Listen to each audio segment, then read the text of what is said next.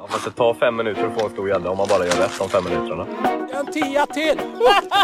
oj, oj, oj. Det här var en, t- det här var en 13 kilos i alla fall. 14 kanske. Vilken jävla fiska! Den är ju för fan fem meter lång. Det är det största jag någonsin har sett. Bra teamwork där Gunnarsson du! Jag fick inte upp jag bara passade. Jag fick ju böja hela huvudet när jag tog den här.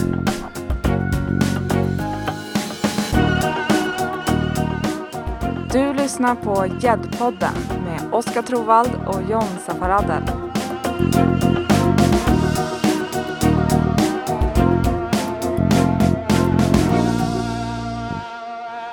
Söndagsbilaga av Gresablad till Tiaholm var precis på väg att lämna tryckeriet när det fick stoppa pressarna. Inte ens det dagsfärska löpet om att hela Vånga hembygdsförening hade fått rännskita på grund av skämde kalvsyltar slog högre än de chockerande nyheterna som faxades in från 08 land.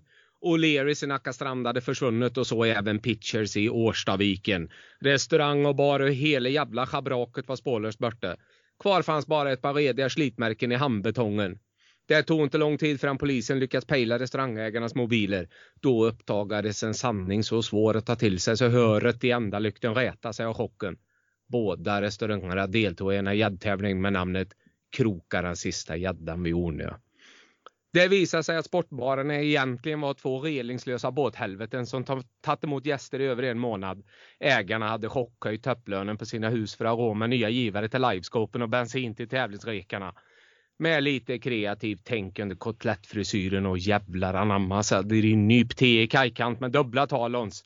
Ställt in frekvensen på 24-tumsloden över hela båten och visat stryktipsfotboll, byggt en träbar och serverat kylda öar från livewellen och stekt självdör värphöna. Dock har det visat sig i efterhand att en del misstankar mot arrangemanget synat dagsljuset.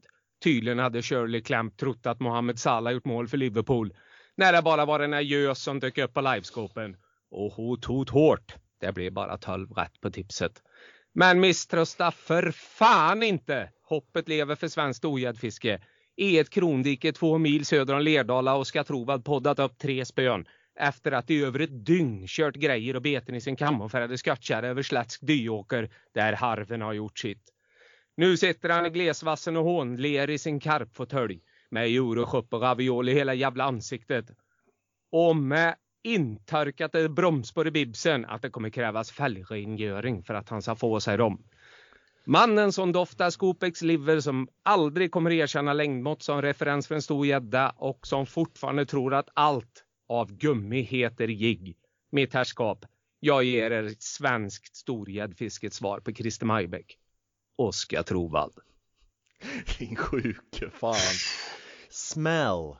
Ja, Gäddpodden är tillbaka med ohämmat välriktat gnäll och med gränslös kärlek till gäddfisket snarare än vad någon av er antagligen trodde. Och det känns jävligt bra John att säga att vi är tillbaka med en av de riktigt, riktigt stora i svensk gäddfiskehistoria och att han ska få brodera ut med sin fantastiska berättarförmåga till er följare av Gäddpodden i ja, ungefär en timmes tid. Eller vad säger du? Jo, jag säger detsamma och det, nu vet ju inte lyssnarna det vi vet just nu när vi spelar in, men faktum är att vi spelar ju in den här inledningen efter vi spelade in med vårt intervjuobjekt och jag vet ju med mig sen inspelningen att jag satt tyst de första 13 minuterna tror jag. Jag tror fan aldrig jag har gjort det någon gång när vi har spelat in. Men sen blev det ju väldigt mycket tid också så att det, det, spelar ingen roll. Men jag menar bara att jag tror jag tappar andan lite. Ja, det här, jag kan redan nu vara så pretentiös och säga att det här är ett, något slags kulturhistoriskt dokument med tema gäddfiske och vi kommer utöver den här timmen så kommer det finnas en 45 minuter extra material till er härliga trogna patrons att ta del av om man laddar ner Podbean-appen och blir Patreon och vi kan väl säga att vi är liksom heller inte tillbaka med någon utslätad mellanmjölk utan det här är en djupdykning ner i ett gäddfiskesinne som ligger inte i mittfåran av svensk gäddfiske utan det är Ja, det är en jävla legendar. Henrik Stahle, det vet ni ju redan nu när ni börjat lyssna. Men vi, vi, vi, vi återkommer till Henrik. Vi måste väl ja. ändå ge oss själva lite möjlighet att brodera ut oss efter vår långa frånvaro John. Hur, hur känner du? Ja, du sa ju långa där men ja, så jävla långt var det inte men men jag har i alla fall tagit, eh, jag har tagit lite anteckningar här och jag säger igen som det är att vi kan inte styra det där helt. Ibland blir det tätare, ibland blir det lite längre. Huvudsaken är att Patreons får lite material som är lite mer frekvent. Vi eh, är jävligt stolta att så många utav er trogna lyssnare har nominerat oss till årets hobby och fritidspodd i, i det så kallade Guldpodden. Ja, det, det, är en stor ära för det krävs ändå att det kommer in x antal nomineringar för att man ska komma upp på listan. Och eh, jag tror, om inte jag missminner mig, att det var Creepy-podden från P3 som vann. Så stort grattis till dem, även ifall jag inte lyssnat på så mycket om spöken och gastar och vålnader. Uh, vi ska väl flagga lite för 2022 eller? Ja men det är väl läge att göra, sorry, slutet på 2021. Ja, men vi har ju dryftat eh, lite kring detta och det blir som vanligt. Det blir gäster, det blir lite spotlight, lite gnällpodden som vanligt. Eh, filterlöst och samtidigt så har vi pratat om att köra lite egna avsnitt, antar jag. Bara du och jag. På tu man hand. Absolut. Och uh, ja, vad ska vi säga mer? Alltså, jag, jag vill passa på förresten, om vi bara tar en uppsamling, att vi inte har eh, hörts uh, på så länge att jag vill ju faktiskt, vi brukar väl inte sitta här och klappa branschen längs ryggen, men jag vill ge en, en tumme upp till uh, vår uh, poddkamrat eh, uh, Svart Klas Claesson som faktiskt var med här för långt mer än ett år sedan där han gick igenom hur hans team skulle agera under kommande år när det var högsommarvärme och vad man lägger upp och sådär. Och det vill jag ändå säga att det höll de till punkt och pricka. Det var ett helt annat Instagram-konto som var föredömsgillt och som jag tyckte stack ut medan många andra stora konton spydde ut stor gädde och gäddfiske under den absoluta högsommarvärmen. Så en uh, absolut credit till Claes ja, för det. Det var en, det var en, uh, en fin reflektion faktiskt. Jag ja. håller med. Big up. Bra Claes. Och uh, i övrigt ni som inte haft oss att lyssna på så har vi ju har det kommit andra sportfiskepoddar och vi vill ändå säga hej till Daniel, Daniel Nilsson på Westin som har varit bra och schysst och pushat vår podd och att han har en egen nu. Han har varit jävligt produktiv får man väl ändå säga. Ja, men, tycker du det? Han håller samma tempo som vi har. Ett i veckan ja. typ. Får se hur länge du håller ut Daniel. Så, och sen tror jag även några andra lite större produktionsbolag och sådär har kommit med sin podd. Och jag, jag ser det här som en naturlig utveckling. Jag tror att branschföreträdare i mycket högre utveckling än tidigare kommer att starta podd och jag tror att det kommer bli många nya poddar under kommande år, det vill säga att de som har mest följare på Instagram har egna poddar och syns i stora Youtube-produktioner, att det blir en länk i en sammanhängande, man bygger ett varumärke kring sig själv eller det företaget man arbetar för. Så eh, det kommer bli fler, fler fiskepoddar och det är väl roligt. Ja, absolut.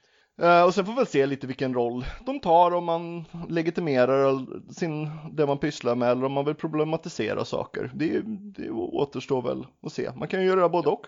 Vi kan ju säga det eftersom vi är lite mer eh, fristående att vi kommer ju fortfarande vara ganska eh, smala då och då på randen till galet ja, smala i ämnena. Det, det gillar jag att du säger för ändå i samband med, med nylanseringen av poddarna så är det ändå folk som hört av sig och sagt det här borde ni ta efter, ni borde göra så här, ni borde ha med de här personerna. Och vi kommer tillåta oss själva att vara ännu smalare framöver tror jag, inte minst för att kontrastera mot andra poddar. Jag, jag ser en enorm glädje och även stolthet att kunna vara apsmal och kunna ha med dem största gäddfiskarna och inte minst också de som är mest intressanta att lyssna på. Och, och, det, och det, tycker jag vi verkligen sätter pinnen på verket på idag. Eh, och, och en liten morot där måste jag säga att vi vet ju att det finns, eh, och det vet ju ni också ni trogna lyssnare, att det finns ju x antal galet duktiga gäddfiskare där ute som håller extremt låg profil och de ska få göra det. Men om vi ibland lyckas få dem att resa sig upp som fågel Fenix och vara med i Gäddpodden på deras villkor så är det givetvis en morot för oss. Hoppas vi kan få med någon sån där väldigt obskyr vargtämjare i år här. Det får vi ja, men jag tror jag har några på gång. Så gott, så gott vi kan. Ja, några välkylda öl här kanske i studion där jag sitter kanske kan göra sitt till. Så vi får se. Vi får se. Nej, nu fan, nu skruvar vi ner vårt pladder och så ger vi utrymme till Henrik Stale, gäddkungen från Hjärup. Då så, högt ärade gäddfiskare där ute. Idag är det varmt på riktigt. Jag är varmt inombords. Jag är varm inombords och det är eh, jag är till mig i de här grönskabbiga gäddtrasorna på riktigt. För idag ska vi prata med en person som jag håller som den store svenska gäddmätaren genom tiderna. Den som har lyckats allra bäst under en epok då svensk gäddfiske bara har blivit svårare. Det är en gäddfiskare med en otroligt unik dedikation, målmedvetenhet och långsiktighet. Och han håller i längden. Han har fiskat på en otroligt hög nivå i snart 20 år. Han har en topp 10 med gäddor där den minsta fisken väger över 14 kilo. Han har sex kända gäddor över 15 kilo. Och det är något som gör honom otroligt, otroligt unik i svensk gäddfiske. Och för mig är Henrik också, det kanske hörs av, av anslaget, men det närmaste man kan komma en slags idol i svenskt gäddfiske. Han var den som lyckades ja, men fånga mitt gäddintresse allra starkast under en tid då det verkligen formerades. Och jag, jag minns bilderna på Henrik och hans två 15 kilos fiskar från 2004. Jag minns dem väldigt tydligt, jag minns när jag såg dem. Det är land, det är vass, det är gröna mattor och gubbkepsar. Och det är fan någonting jag kunnat spegla mig i sedan dess. Varmt välkommen till podden Henrik Stale. Tusen tack! Vilken eh, inledning, en eh, ära att vara med i detta sammanhanget. Det är väldigt fint att du känner så. Det hade känts jättejobbigt annars. Och, ja, det är alltid så här, vad, vi sa det, vi pratade om det innan. Vad är den första frågan man ställer i ett sånt här sammanhang? Vi har nog ställt ganska många olika i våra olika samtal, men vi kommer nog tillbaka till det att en, en riktigt rimlig fråga att ställa till en av Sveriges största storgäddefiskare genom tiderna är Alltså vad är en stor gädda för dig? Det är intressant nog så att det, bilden av en stor gädda har varit med mig länge. Jag eh, minns när farmor berättade om sin bror som eh, hade vikt sitt liv åt gäddorna i Gamlebyviken. Han var ungkar, han bodde på husbåt ibland och eh, fiskade och jagade eh, som eh, mesta, stör, mesta största sysselsättning i livet. Och han hade tagit ett par gäddor över 14 kilo i Gamlebyviken. Och när farmor sa det så, så förstod jag ju direkt att där, där, det är riktigt stora gammelgäddor. Och det som är intressant är ju att det har, har bekräftats sen tycker jag. Det, det går många gäddor på 12-13 kilo på 14 och många vatten kan ge gäddor mm. på 12-13 kilo men just 14 är något extra. Mm. Ja, jag, jag, kan inte annat att hålla med. När David Lundqvist svarade på samma fråga så sa han 13 kilo. 13 kilo för mig, det, det är en sanslös fisk, men det har aldrig riktigt bränt sådär. Alltså det, det, det, det känns som en fisk att leva för. Eh, och 14 kilo har du fångat fiskar. Ja, jag vet inte hur många det är, hur många du kan säga att det är, men det är ju en otroligt att ha kunnat fånga fler än 10 svenska gäddor över 14 kilo. Minns du den första? Absolut, som att det var igår. jag tänkte säga dum fråga kanske.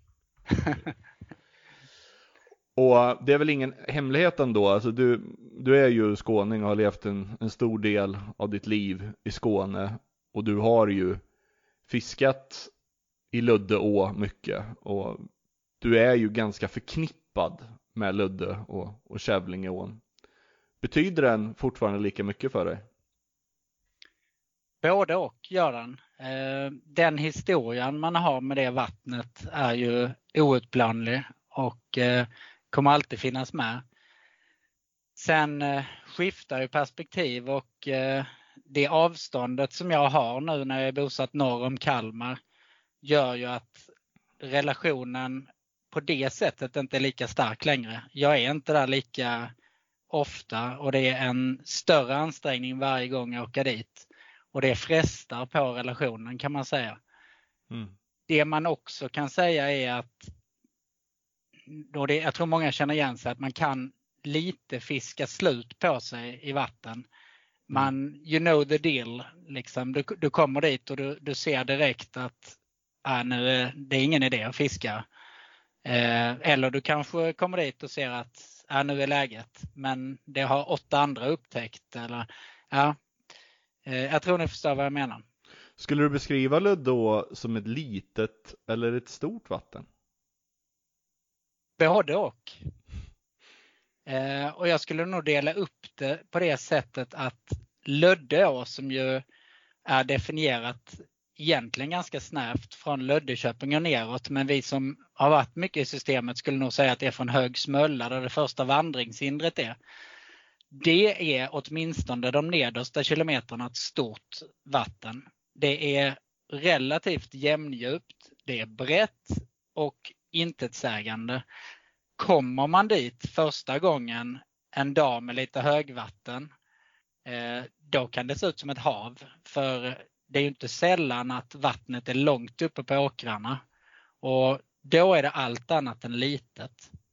Men arbetar man sig längre upp i systemet så smalnar ju ån och då är det ju partier som man absolut kan säga är eh, små och avgränsade. Till exempel mellan två kraftverk. Eh.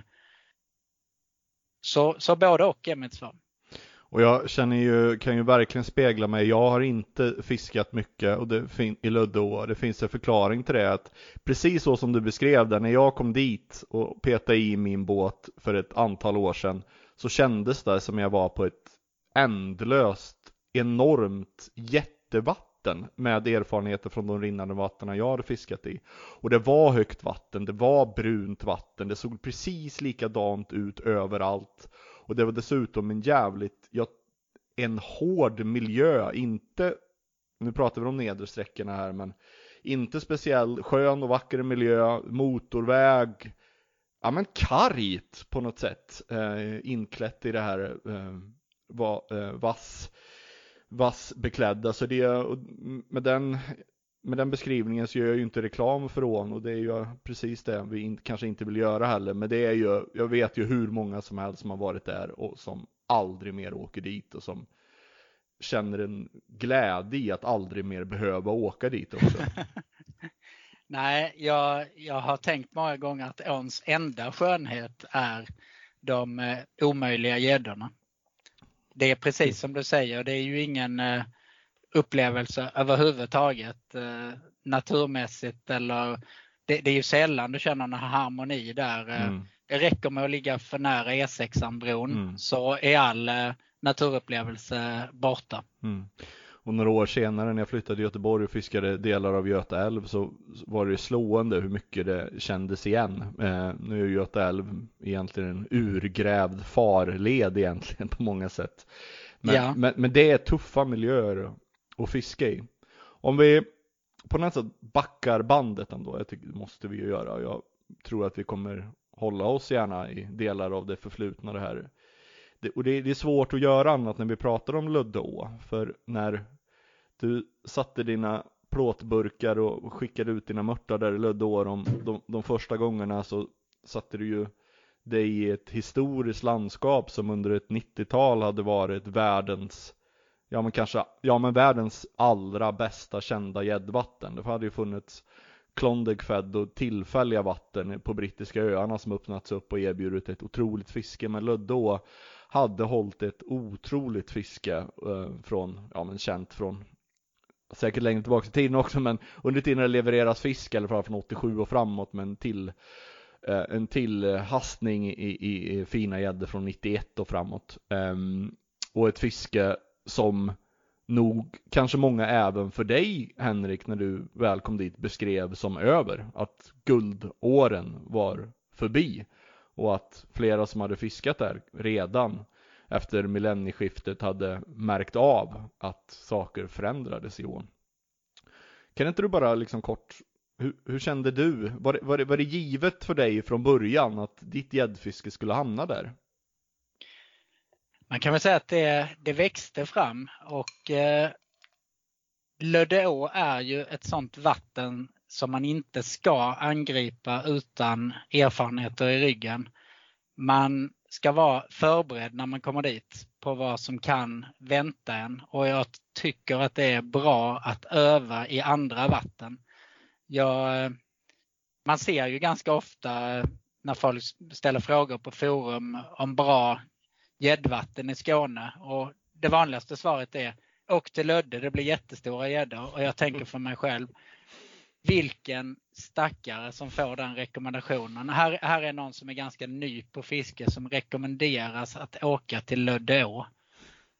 För, för chansen att, att blanka som ny och, och eh, oerfaren fiskare, alltså det, jag vet inte om det finns något vatten där det är större chans att du inte får en gädda.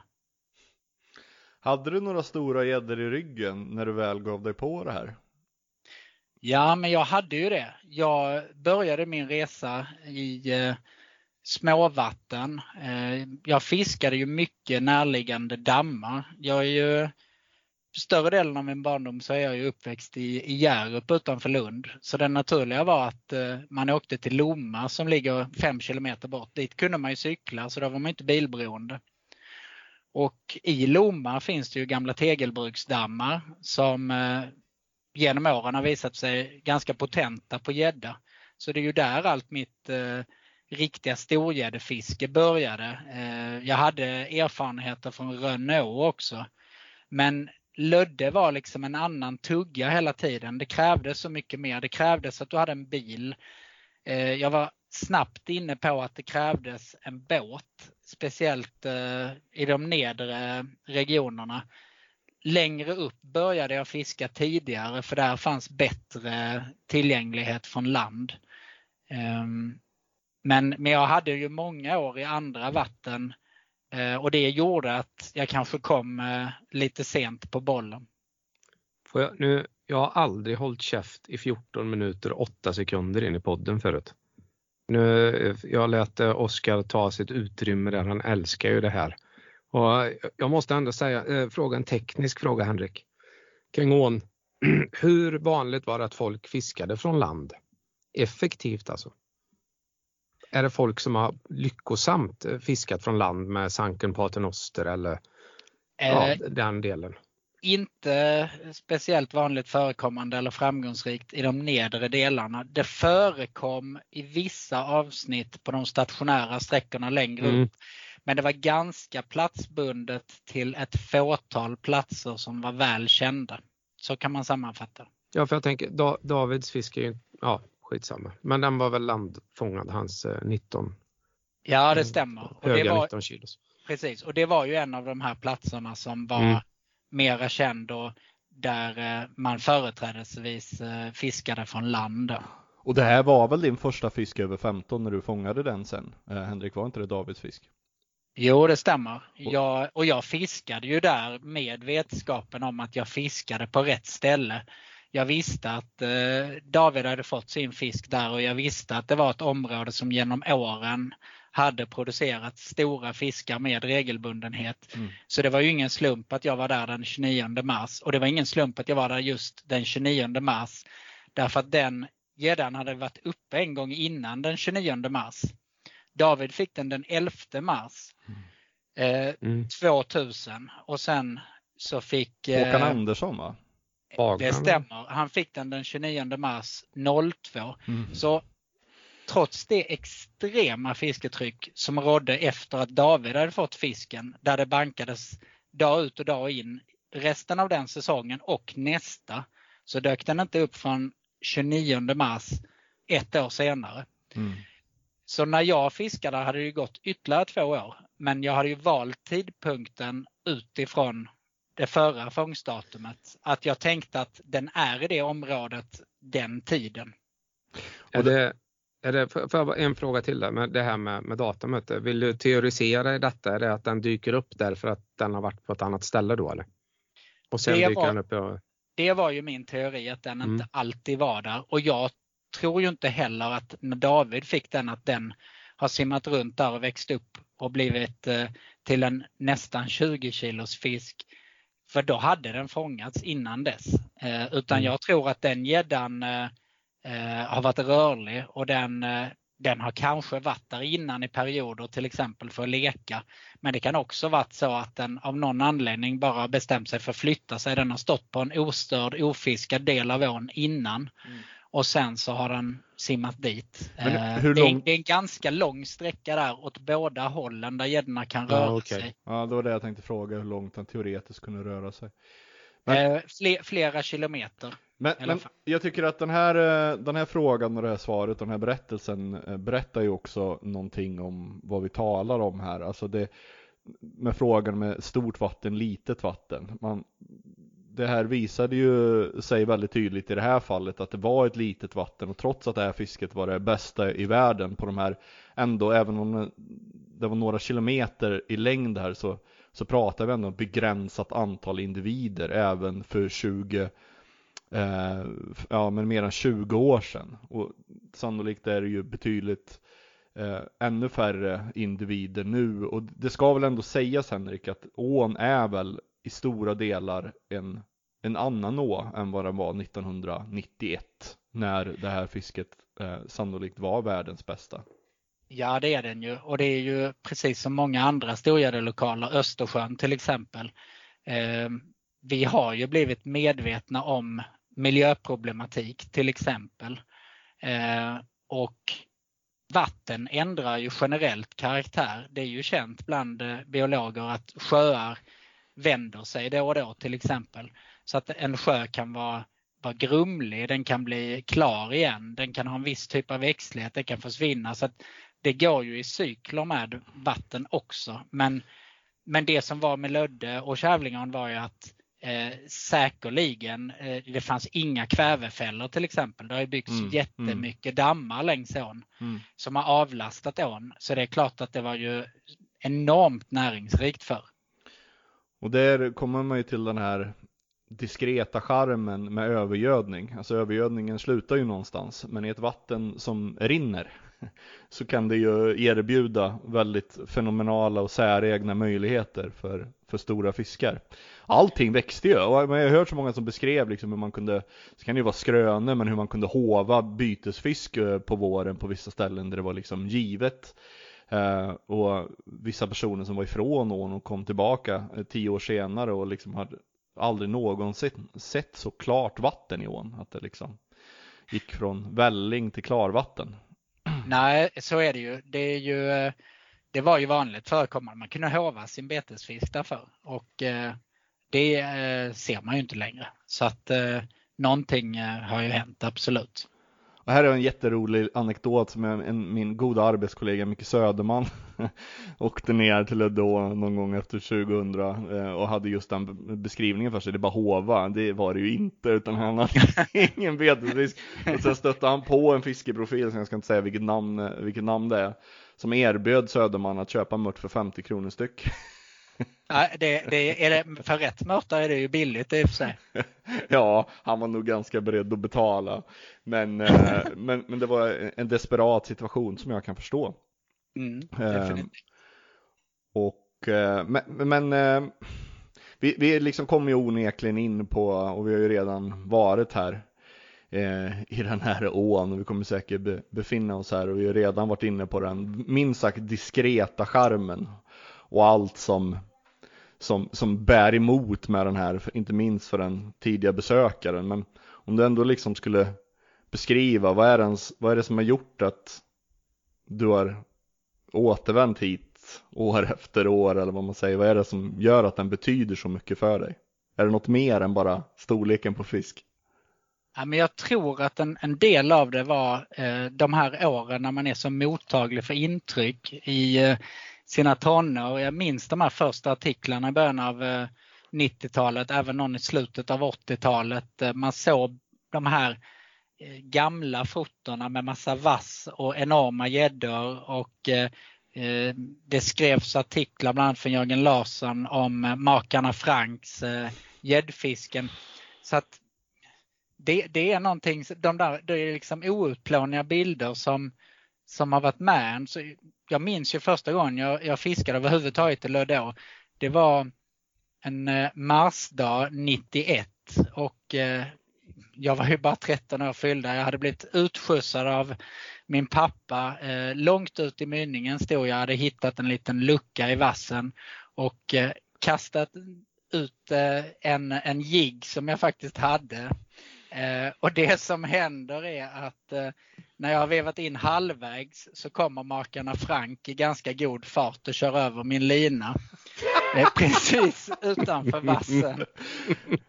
Det var väl så man var van att se dem i ganska hög fart, även när spöna var ute. Oh ja, oh ja. och eh, därtill eh, kraftiga ryck. Eh, det var ju så man gjorde spinnpauser som det Mm. heter nu för tiden. Det var inte slav på motorn utan motorn låg i växel och det var ingen, Mm. ingen broms på något sätt utan man körde ju där och sen så drog man till och sen fick man visst häng på wobblern ett par sekunder och Men- ändå fick de en hel del fina. När blev trolling förbjuden? För det ska vi ju säga att det är. Både flötestrolling och, och ja, trolling överhuvudtaget är väl förbjudet sedan ganska länge va? Ja, det var ju där någon gång när gäddnätet eh, började komma eh, på 90-talet. Eh, I den vevan så blev det ju förbud mot ekolod och förbud mot trolling. Mm. Så generellt stod det i fiskereglerna Mm. väldigt länge. Orsaken till det var ju nog att det var fler som eh, hade fått upp intresset från att det började bli trångt och, och då, då passade det dåligt att några körde runt med bensinmotor när, när andra försökte från land. Så, Mm. som, så som jag råkade ut för själv. Men det här, jag tycker det är en jättebra regel som har varit på en del rinnande vatten att man enbart tillåtet att fiska från ankrad båt. Man får ju fiska från eh, drivande båt, det har man ju fått hela tiden. Ja, Eh, okej. Men eh, trolling är ju förbjuden. Du fick ändå vara där och doppa i bete under tiden, några åren där det verkligen, verkligen hände. Men jag, det, jag skulle säga så här att jag har ju, som med de flesta personerna vi intervjuar, skrivit en artikel om Henrik. Jag tror aldrig någonsin jag känt det jobbigare att komprimera en artikel. Jag vet att jag bönade och bad för sex sidor, det blev fyra sidor. Jag hade kunnat skriva tre artiklar. Delvis för att jag, eh, Henrik är en bra berättare och jag kunde aldrig sluta och ställa frågor. Men man kan ändå säga så här att du hade ju, när du fångade de här, din första gädda över 15 kilo eh, 2004, det var ju en ganska, det var ju en bra utdelning, och, men sen var det ju, det var ju slutet, det var väl 20, när var det Marek fick sin på 18? Är det 2005 eller är det 2000? Nej, nej det var samma det är se- år. Samma år ja. Det Sen var dröjde det väl ända fram 04. till 2018 innan någon fick en över 18 igen. Eh, 2016 fick Max sin. 2016 var det. Mm. Så du liksom, du gav dig ju hän och levde ditt mest dedikerade gäddliv här under ökenåren när det var Alltså, det beskrevs väl som att gäddfisket där nere var slut till och med, mer eller mindre? Ja, det, det var ju efter eh, 05 så hittades det otroligt många stora gäddor. Och det sammanföll väldigt dåligt med att det hade bedrivits ett eh, omfattande efterleksfiske där eh, mindre betänksamma individer, om du frågar mig, hade ägnat sig åt mete i maj månad när gäddorna skulle äta upp sig och de var Mm. slitna efter leken. Mm. Och det är klart att man säkert kan hitta andra förklaringsmodeller men för mig och för, för flera andra så var det ganska uppenbart att det var ingen bra kombination.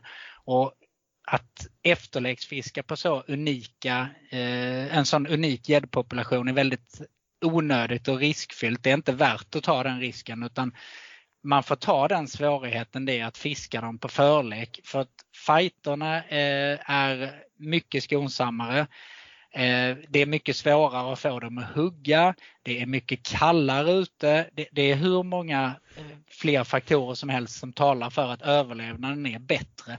Eh, nej, så, den medvetenheten fanns ju eh, när jag fiskade där att många stora gäddor hade dött eh, och att eh, eh, jag hade ett sämre utgångsläge men samtidigt var ju min tro väldigt stark och min förhoppning var ju att det fanns en eller ett par individer kvar som kunde dra nytta av den minskade konkurrensen då eventuellt. Så att jag levde ju hela tiden med förhoppningen att jag fortfarande skulle kunna fånga en abnorm och overklig gädda.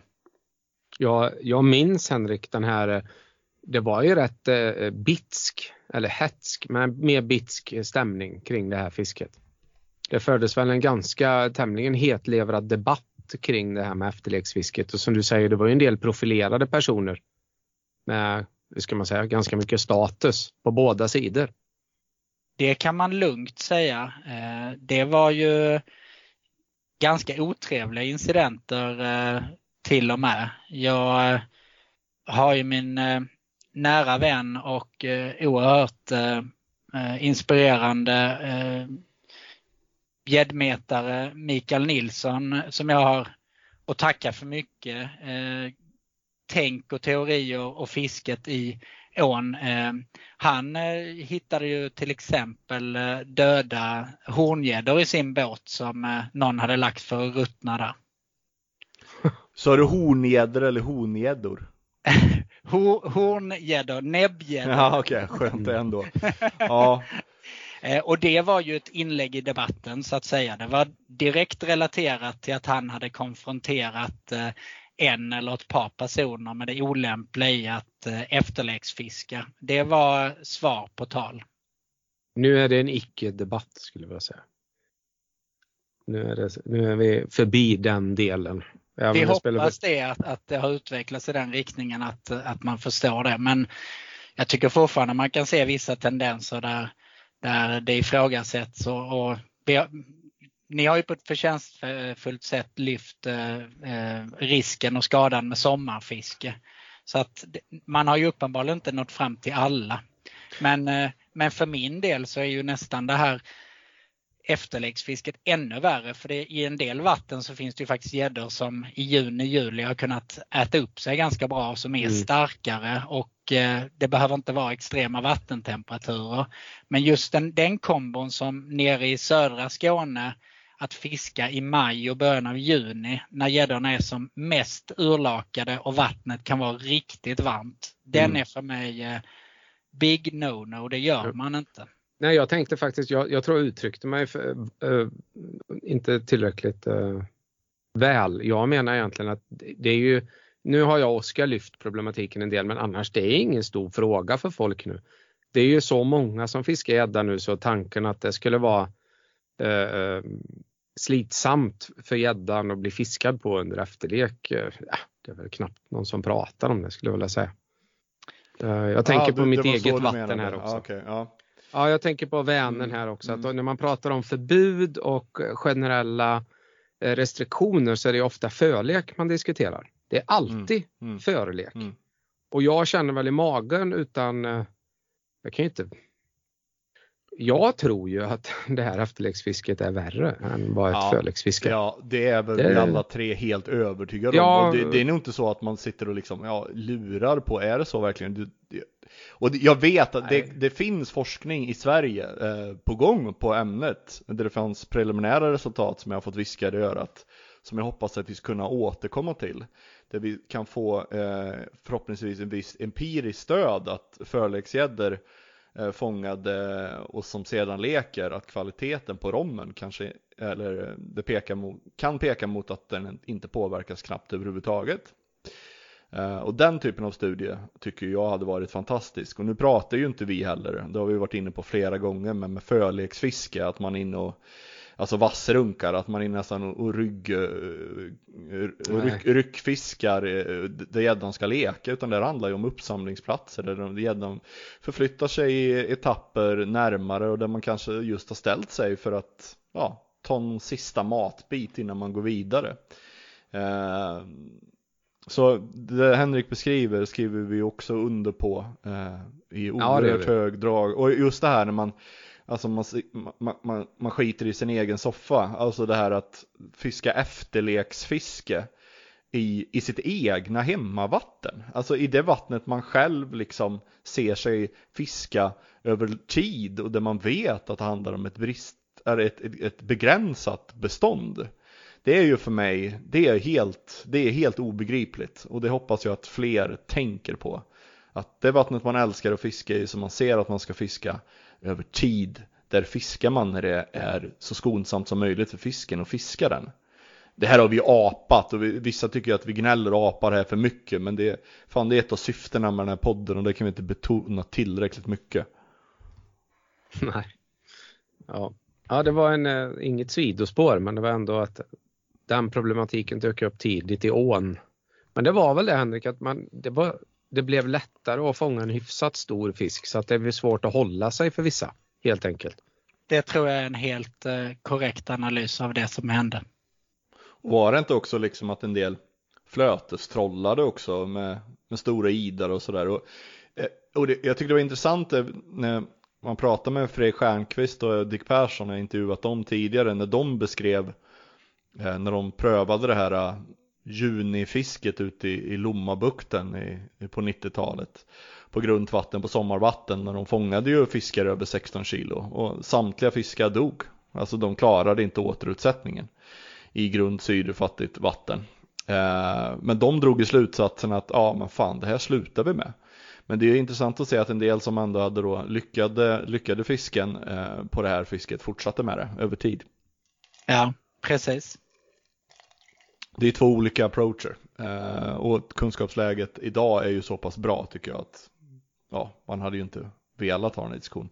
Men nu, nu går vi tillbaka, nu ja. går vi tillbaka på, på roligare saker. Jag, alltså, när jag intervjuade Henrik eh, eh, för den här artikeln för några år sedan så hade jag ju lite jag visste ju att Henrik hade fått barn och att han börjar bli, ja man börjar närma sig 40 och sådär, att då tänker man ju att ja, han har ju fantastiska erfarenheter och bedrifter bakom sig men nu har han väl ändå drivit och han börjar väl bli lite avdankad sådär.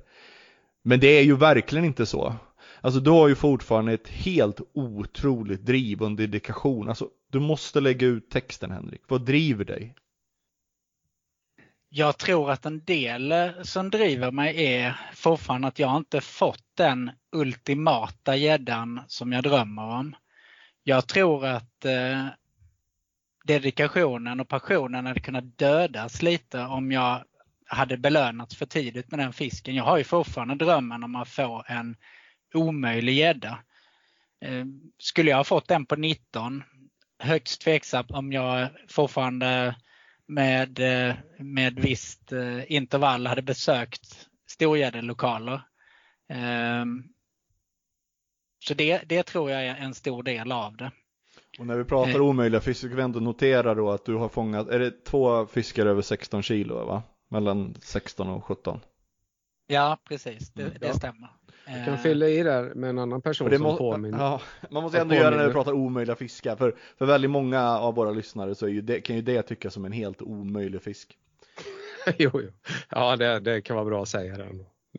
ja, nej, ja, men absolut. Men så har jag ju känt hela tiden i och för mm. sig att, eh, att eh, man vill ju slå ett personbästa. Så att även om ett personbästa är extremt bra så, så mm. vill man ju ändå slå det. Mm. Jag tänkte på det, här, jag, jag reflekterar över det du säger med det här o, o, att du skulle fått en, om du hade fått en jättefisk eh, över 19 kilo så här tidigt så hade suget kanske mattats.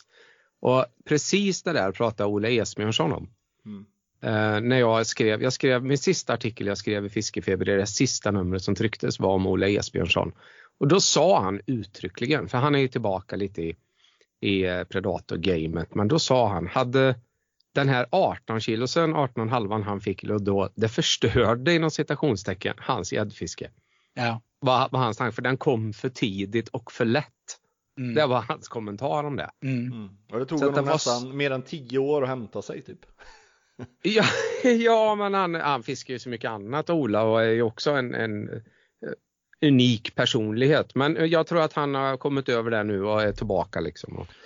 Ja, och jag, jag köper det rakt av för att eh, det är ju ändå så till syvende och sist att oavsett om du fiskar i rätt lokaler och hur bra du än gör det så finns det ett visst turmoment som krävs. Mm. Eh, och har du då haft den turen en gång, det, det, är lite som att spela på Lotto. Skulle du vinna på Lotto en gång, vem skulle fortsätta spela sen?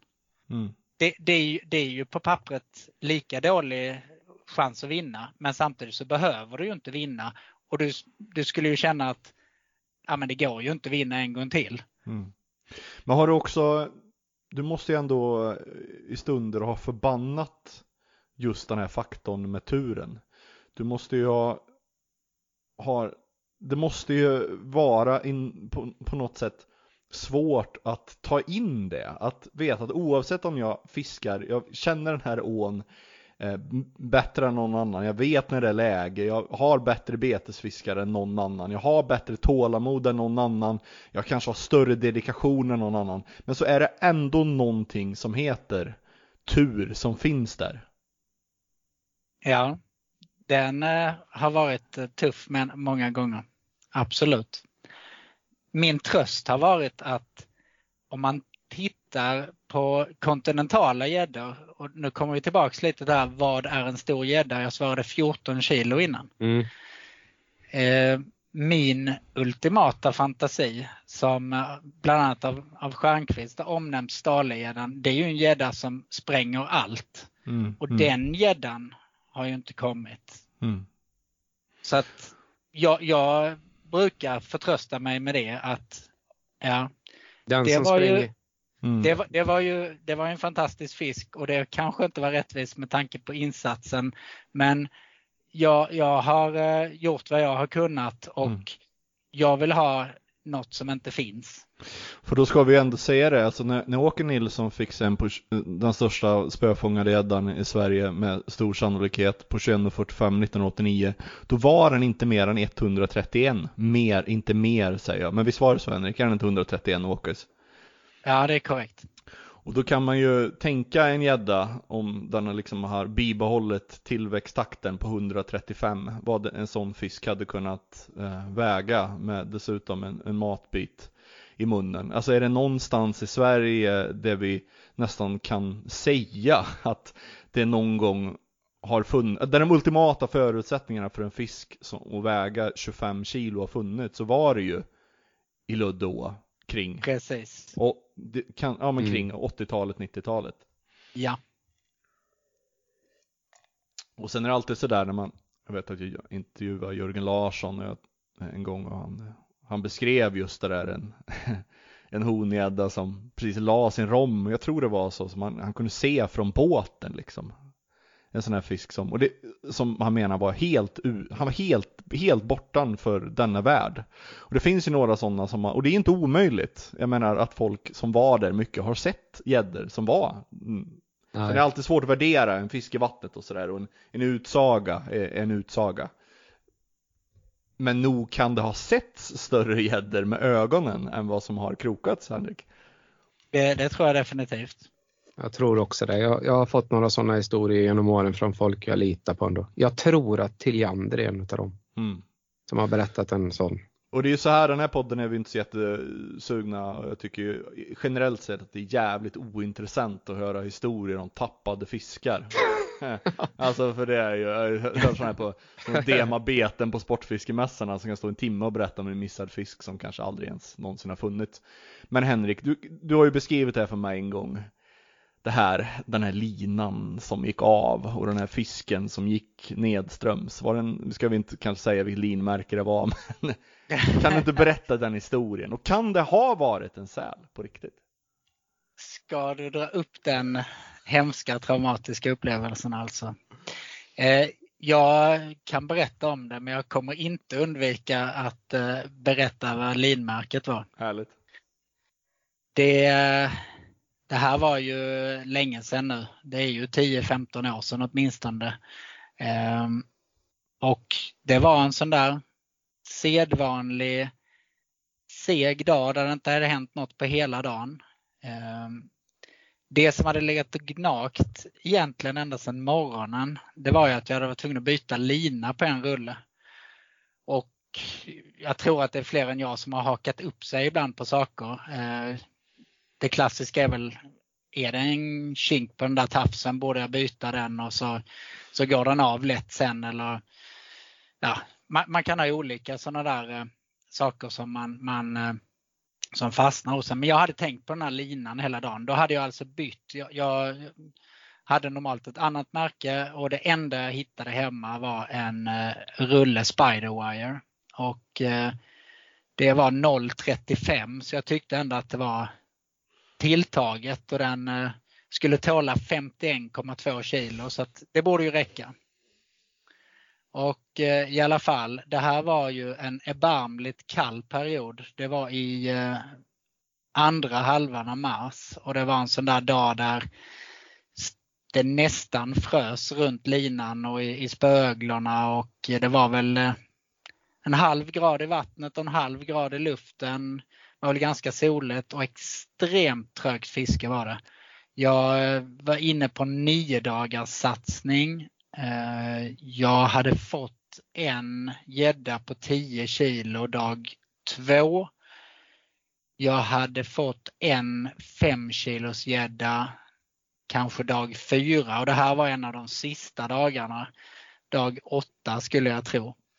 Och som sagt en lång seg dag eh, utan tillstymmelse till hugg och eh, så fick jag ett sånt här infall som man får ibland och som säkert många gånger inte resulterar men då skulle du aldrig komma ihåg det. Men det här, det här var ett väldigt speciellt infall att jag fick för mig att fiska en plats som jag normalt inte skulle fiska men jag, jag bara tyckte att den såg bra ut på något sätt.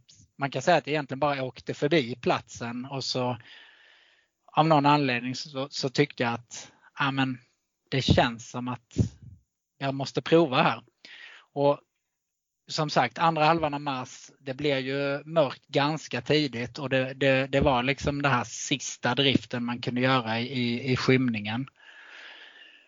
Och eh, det som händer är ju att jag, jag får ett hugg och eh, hugget i sig är väldigt eh, speciellt därför att det rycker först till i spötoppen Eh, och sen så är det som att flötet simmar mot mig och sen två meter till vänster om flötet så ser jag någonting vispa till i ytan och jag, jag vet ju inte vad det är än idag om det var betesfisken eller om det var skärten på gäddan eller vad det var. Men det var någonting som vispade till där och sen dyker flötet och bara drar i god fart iväg från mig. Eh, på baitrunner då och sen, sen frikopplar jag och jag känner liksom att ja, men den har jag tagit, den är på väg bort från mig. Det är bara att veva in i detta. Mm. Eh, och jag liksom känner att det är en kraft bara i hugget som är en stor gädda. Och jag fiskar med en, en, en riktigt stor mört. Eh, och jag bottenvevar, jag vevar rakt in i det här eh, massiva motståndet som simmar bort från mig och den bara fortsätter simma. Den bara tar lina fast den simmar rakt in i bromsen. Liksom. Och jag liksom spänner upp spöet mer och mer och så känner jag två enorma knyckar och eh, sen så bara släpper allting. Och eh, jag fattar ju direkt att någonting har gått sönder. Eh, flötet kommer upp och eh, jag kan ju konstatera att linan har gått av. Eh, och jag kör ju med uptrace. Eh, så att eh, visst, det, det, kan ju ändå hända i ett riktigt våldsamt hugg att, att det skulle kunna ta även ovanför uptracen. Men den kraften som var, eh, den har jag inte känt något liknande. Och i, i nära tid efter det så, så krokade jag på kort lina en, en 13 kilos gädda. Och det var eh, som ingenting att börja kroka och veva in den. Mm. Eh, och det är väl egentligen den enda fisken som jag grämer mig över. Jag kan säkert ha tappat stora andra gånger. Men eh, den var en sån fisk som jag, som jag eh, tänker på fortfarande. Jag tänkte säga det. Tänker du på det? Återkommer det varje år att du tänker på det? Eller varje månad? är det bara när jag frågar? Usch vad det plågar mig nu. Nej, inte varje månad, inte varje månad men, men flera gånger om året, mm. absolut. Jag vet ju eh, eh, året och, och ungefärligt datum och, mm. och mm. jag känner att det kanske var den fisken jag sökte. Eh, mm. jag har tänkt tanken om det var en säl faktiskt. Mm. Eh, det var ju nere i Lödde och det har ju förekommit säl där men, men eh, Känner du till visst, att det förekommit krokning av säl? Ja, faktiskt. Eh, inte på gäddmete men däremot eh, på, eh, på eh, torskfiske ute, utanför mynningen eh, på, eh, på jigg så var det en, en kompis flickvän som drog på en säl. Alltså, alltså rätt krokad så att säga? Ja, hon, ja nej men alltså hon, hon släppte ner och det small till och sen så var det ju frågan om, om 100 meters rusning och sen så småningom fick, tittade upp en säl och då satt ju jiggen i mungipan på sälen. Mm. Eh, men efter mycket om och men så, så kom den ju loss om den, om den bet av linan eller vad den gjorde. Men eh, det var väl en yngre säl som gjorde ett misstag. Men jag, just när man metar så visst det har ju föresvävat att kan det ha varit en säl för att det, det kändes liksom overkligt. Men, men det är klart att jag tänker att det kanske var den gäddan man inte skulle tappa. Har du någon gång önskat att det var en säl? Ja det har jag gjort. det hade ju varit skitskönt om jag tittade upp en säl där så, Ja, så hade jag kunnat släppa det sen. Okej jag fick på en säl, det var ju jävligt unikt men Och, jag och, behöver det, inte fundera mer på det. Den hade jag aldrig fått upp. Och jag tycker det här, är- den här beskrivningen av en riktigt stor gädda när man ska ta till andra ord än just gädda så jag skulle nästan tro att det kommer ner från er i Skåne där att man kallar en riktigt stor gädda just för en säl. Säl, ja. För, Mm. för när man ser de här riktiga ludde, nu säger jag luddesuggerna, men de här riktiga, de har ju, de har ju formen nästan av en säl. Mm. Eh, och, och, och jag tycker att om jag eh, blir tvingad ibland att kalla en gädda för något annat än en gädda så tycker jag säl, är en riktig, när vi pratar om det, men då ska det vara en jävla gädda för att säga säl. Det här gris och nuff, nuff, nuff, ja, det har vi varit inne på förut, men det, för mig är det bara nedsättande och så fånigt alltså. Det, men eh, nuff. nuff, nuff, ja. Du har aldrig, du har aldrig sagt nuff, nuff om gädda, Henrik? Det har jag inte gjort. Nej, det hedrar dig såklart. Men inte ens mist. Och eh, jag hade skrivit, jag har skrivit, eh, det finns ju så många frågor man vill ställa, men när vi ändå är inne på det här när vi pratar om andra djur så har jag skrivit mammut i mina anteckningar. Eh, eller mammoth. Vad tänker du på då Henrik?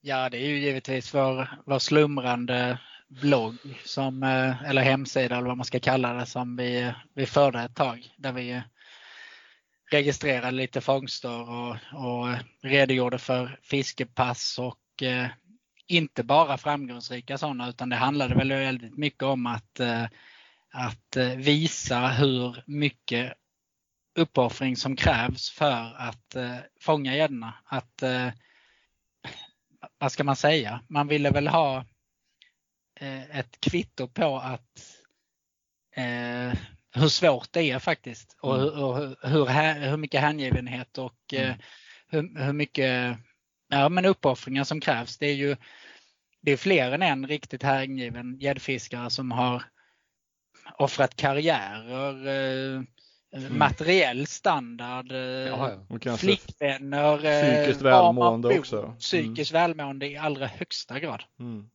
Och den här bloggen heter ju Mammoth Pike Hunting. Jag antar att Mammoth kom från Fred Bullers klassiska eh, Mammoth. Pike.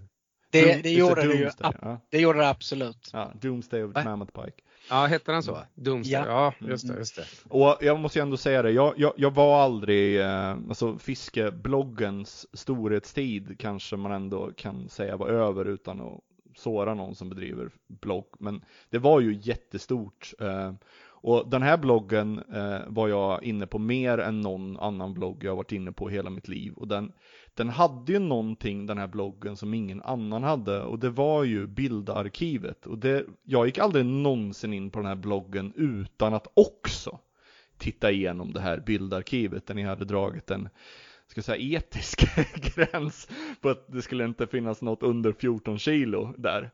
Och det är ju, jag tror på bloggen, jag var inne på den, den finns ju väl kvar och det, det, det är fortfarande, skulle jag vilja säga, fan, det är omskakande att titta på de där gäddorna. För när man ser den typen av gäddor fångade i den typen av miljö, hållna på ett vettigt, riktigt vackert sätt. Alltså det, det är oöverträffat i svensk eh, sportfiskehistoria vad gäller liksom digital förmedling av, av fiske.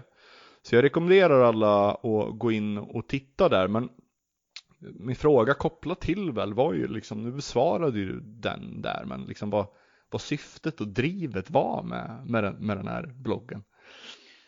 Men det var, ju de, det var ju delvis det. Det var eh, skapa ett monument över eh, de gäddorna som i vår värld eh, var extra värda och, och lite odödliga.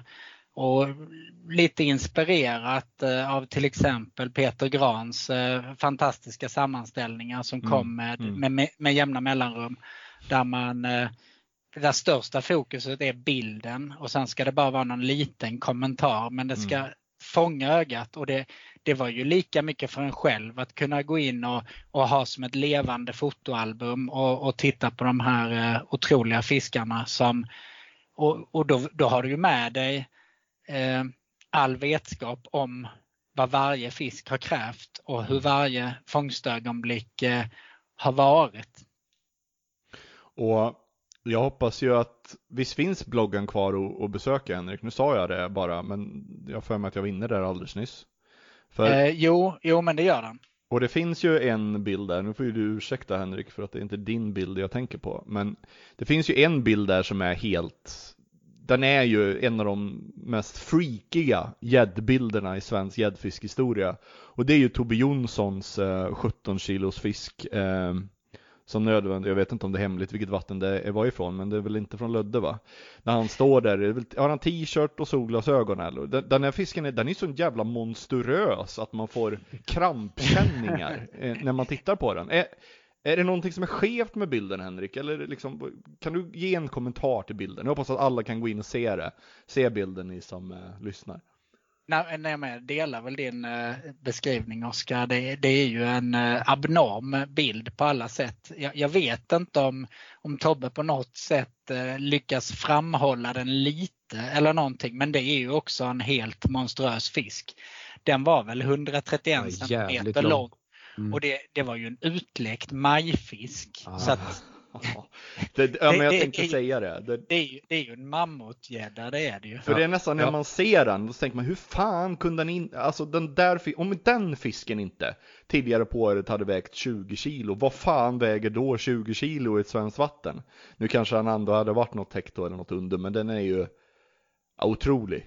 Eh, Den, ab- den är abnorm på många Jag har sätt. ett sidospår på, på Tobbe Jonssons fisk. Där. Jag, jag har pratat med Tobbe om det här tror jag. Och, och jag vet inte vad, vad slutsatsen var sen, men i alla fall när jag växte upp och började fiska, ni vet det finns en specimenklubb som heter Tinka. oh, ja. Absolut. Med såna här gamla rävar liksom som var med och tog fram svensk specimenfiske. Många duktiga fiskare. I deras eh, de tog ju med ungdomar, vi hade ju en fiskeklubb i Skara och sådär. Och för att göra en lång historia kort, två killar där som är yngre än vad, än, än vad jag var då då åkte av någon anledning ner till det här stället där Tobbe Jonsson fick den här eh, den här eh, gäddan. För att där hade ju de, eh, några av de här garvade varit inom Tinka också som känner Tobbe. Och eh, de har väl, hade väl inget CV med storgädda. De hade en tia de här två tillsammans då under eh, två år. Men då krokar de ju en fisk här och, och när den går upp och vänder vid båten så tittar killen som har krokat fisken. Jag skiter i att nämna namn nu för jag vet inte om de vill det. Tittar på sin kompis med uppspärrade ögon och skriker Det är lätt en åtta. Det är lätt en åtta. Och då var det då var det förmodligen, jag vet inte om det är samma fisk, men det, de mätte den till 130 och den vägde över 16 kilo. Oj, oj, oj. Ja, det, är säkert, det var ju säkert samma då. Ja, ja, ja, det var så länge sedan jag pratade med Tobbe om det, men just det här att han var så lycklig när han skrek på sin polare att det är lätt en åtta. Det är lätt en åtta. Men det är ju ändå otroligt att han kunde underskatta den så för att eh, med adrenalinet så brukar det ju snarast vara tvärtom. Speciellt om man då inte har så, så långt CV. Ja, Nu ja, tittar jag de- faktiskt bilden. På Tobbe Jonsson gillar vi ju en kille som har, han har pushat oss och berömt oss mycket i vår podd och sådär. Och han är ju, skriver in sig för all evighet i svensk gäddfiskhistoria på det sättet att han har två gäddor över 17 dessutom. Båda över 17,5 från två olika vattensystem.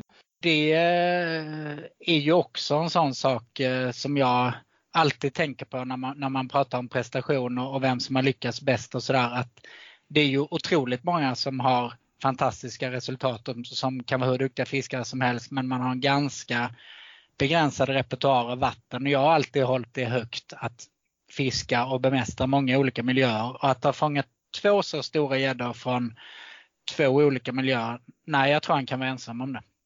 Och, Men, men vad, vad sätter ni för... eh, Ja, är det, ja, gäller en, en reservation. Nu, nu, nu slog Ja. det. Det finns ju faktiskt en till. Eh, med snäppet mindre gäddor. Eh, Johan Dahlqvist, den här eh, gamle golfaren och han producerade väl några, några eh, alster i någon tidning också. Men han lyckades ju med konststycket att i Furusund på den gamla tiden men ändå mot slutet av den gamla tiden peta upp en aprilfisk på 17,4. Och sen lyckades han med det ännu mer omöjliga att på abborrgigning slumpmässigt fånga en löddegädda på 17,25 något år senare. Har du sett de eh, fiskarna på bild Henrik?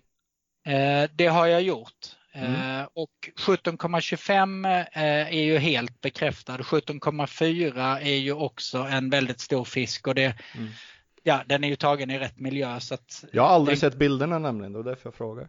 Jo, men de har Mm. förekommit. eh, Men när kan det här ha varit? Det här måste ju ha varit eh, 90-talet va? Ja, Ja. ingen av fiskarna finns väl i registret heller va? Alltså det är David Lundqvist. Han har ju... Ja, det stämmer. Det har han ju absolut. Jag vet mer, tror jag. Ja, Fast jag Dav- vet inte hur Dav- långt jag ja, ska David har ju, eh, David har ju med ismetfisken där. Ja, ehm, ja. Vi får väl lämna det där kanske. Nej, jag, jag, jag vet fler tyvärr, men jag kan inte. Nej, nej. Men Ja. oavsett så är det, det är ju en exklusiv skara, så är det ju. Definitivt. Ja, för fan. Det är det. Jag vill ändå dröja mig kvar lite till på bloggen innan vi släpper den. Jag har ju den faktiskt uppe här nu och tittar på den. Och, eh, Mikael Nilsson, Löddesuggan, en person som också har berömt och pushat oss i vår podd. Honom gillar vi mycket. Alltså bilden på hans eh, 17 kilos på 125 centimeter, det är också en sån där episk bild som jag eh, så gärna återkommer till. Den där fisken är ju som skänkt från högre makter. Det är väl David han brukar säga, den är värd att bygga ett monument över eller en staty till deras minne eller vad han säger. Eh, var du med när, och, när han eh, fångade den fisken? Henrik? Eh, nej, men jag vet ju i detalj hur det gick till och den fångstberättelsen är ju för bra för att utelämna här. Den är Underbart fullständigt osannolik. Den, vi brukar säga att många av de största gäddorna har en historia och den här gäddan har en speciell historia. Eh, det var ju i mars 04 vill jag minnas. Det var samma år som jag fick Davids fisk och eh, Suggan var ute på en sju eller nio dagars satsning. Jag tror det här var sjunde dagen i alla fall. Eh, nej, det var sjätte dagen var det. Det var på kvällen den sjätte dagen. Eh, och då är det så att eh, det börjar skymma. Han ska göra den sista drift. Han har fiskat eh, av eh, ett lugnare parti kan man säga och eh, vevar in sin mört mot båten. Tänker att han ska justera djupet utifrån ljuset och sätta mörten lite högre upp så att det blir mer en siluettbild mot himlen. När han tar tag i linan för att justera stoppknuten och mörten cirklar någon decimeter under ytan i vattnet precis bredvid båten uppenbarar sig en monstruös gädda med öppet gap som kommer underifrån och går upp mot mörten men sjunker ner igen så den, den tar inte den. Och Micke han, han, han bara står och skakar och, och liksom vad fan var det som hände? Och jag, jag vet han, han ringde David efter det här och eh, sa alltså, jag, jag, jag, jag, har hittat en, en, en gädda. Den, den var efter min mört. Den, den var 16 till 19 kilo. Och David eh, som ju är ganska lugn som person liksom, nej men lugna ner dig nu och var den verkligen så stor och hur vet du det och, och så många har du inte fått och, och sådär liksom. Men i, i, i Mikaels minnesbild så var den abnorm. Och eh, han beger sig följaktligen ut morgonen därpå extremt tidigt, åker till, först ut på ån, åker till exakt samma plats, gör samma ankring, släpper ut en 4, 5, 6 hektars mört igen för att göra det så likt som möjligt. Han driftar den någon gång, det händer ingenting. Han tar upp den, släpper ner den vid båten, driftar den en gång till, det händer fortfarande ingenting. Han vevar in den och gör en identisk manöver som han har gjort kvällen före. Han tar tag i linan, han ska justera stoppknuten Mörten cirklar bredvid båten några decimeter under ytan och hon kommer igen. Och den här gången så kommer hon med kraft och tar mörten. Så Mikael vet när den gäddan vänder och går iväg att han har sitt livs fisk att driva in kroken i. Hon tar mörten, vänder neråt, går rakt ut i ån och ställer sig. Eh, ja, resten är historia. Han, han lyckades. Han satt mothugget. Det var en brutal tung fight. Han får upp den och det stämde. Det var en gädda mellan 16 och 19 kilo. Ja, galen historia. Jag fick lite gåshud. Ja, jag, jag också. Ja. Och, och det blev ju hans eh, biljett till sin första och vad jag vet ännu eh, enda över 15. Den som väger in som den tredje tyngsta på Mammoth Pike Hunting. Ja, en, en, en fullständigt eh, otrolig fisk och ännu otroligare historia, men helt sann. Ah, och en fantastisk bild. Eh, det, det gör mig så varm och, och ni som Alltså går man igenom vårt bildflöde på Instagram så tror jag ni ungefär vet hur vi gärna vill att en, en, en svensk gäddbild ska se ut och här har man ju ja, här är det en, eh, ett galleri av sådana bilder. Du Henrik gillar ju den här eh, med ryggen mot ehm, som då lyckas föreviga några av dina fiskar med upphållen rygg och gäddans huvud i jämnhöjd med ditt eget huvud ungefär. Mm. Eh, Det är en väldigt, väldigt fin posering. Det är ett problem som vi reflekterar över ganska mycket hur små gäddhuvuden, eller hur små huvuden alla svenska gäddfiskare har idag. Mhm. Det blir Mm. så fantastiskt fint när man verkligen ser gäddans huvud i, i, i skarp kontrast eller, eller i skarp jämförelse. eh, Just med, med gäddfiskarens huvud. Du, jag ser också att du, dina huvudbonader har ju varierat mycket över åren. Eh, Har, har, är, det någon, har, är det någon favorit som eh, du vill peka ut här och nu? Ja, men det är ju den du, du nämnde i eh, ingressen. Det är ju gubbakepsen. Det är Mm. ju uh, gentlemannahatten som eh, har varit mitt signum och eh, jag- skulle inte säga att jag är jätteskrockfull men eh, jag har ju några kepsar som jag tar på mig när det är svårt om vi säger så. Ja, eh, underbart. Jag tänkte nästan att du hade det så. Jag måste också, jag, jag, det, nu dröjer jag mig kvar kanske onödigt länge här, men det, det finns ett plagg till Okej. eh, av alla de här bilderna. Ett plagg som, eh, du, ska få igenom, du får en ledtråd vilket jag tänker på, men ett plagg som kanske var mer i, i, i, i, i ropet och gapet på 90-talet. Man hade det när man fiskade. Mm, jag vet precis vad du Ett menar. underbart plagg, en underbar bild. Eh, så, och det är precis den jag minns där från 2004. Ja, Vad det är ju väst, västen du är ute efter. och, och med Eh. tygmärken på. Vilka tygmärken var det egentligen? Ser du? Ja men det var kanske eh, Svenska gäddklubben och det var någon, eh, jag vet inte om 100-klubben fanns eller om det kan varit någon storfisk eh, reggmärke eller men det var ju de man ville ha var det i alla fall. Ja. Är är inte det lite så här aristokratiskt skånsk och gåsajakt? Väst och gubbakeps. ja, men han har ju, du vet ju vilken keps du har Henrik, eller hur?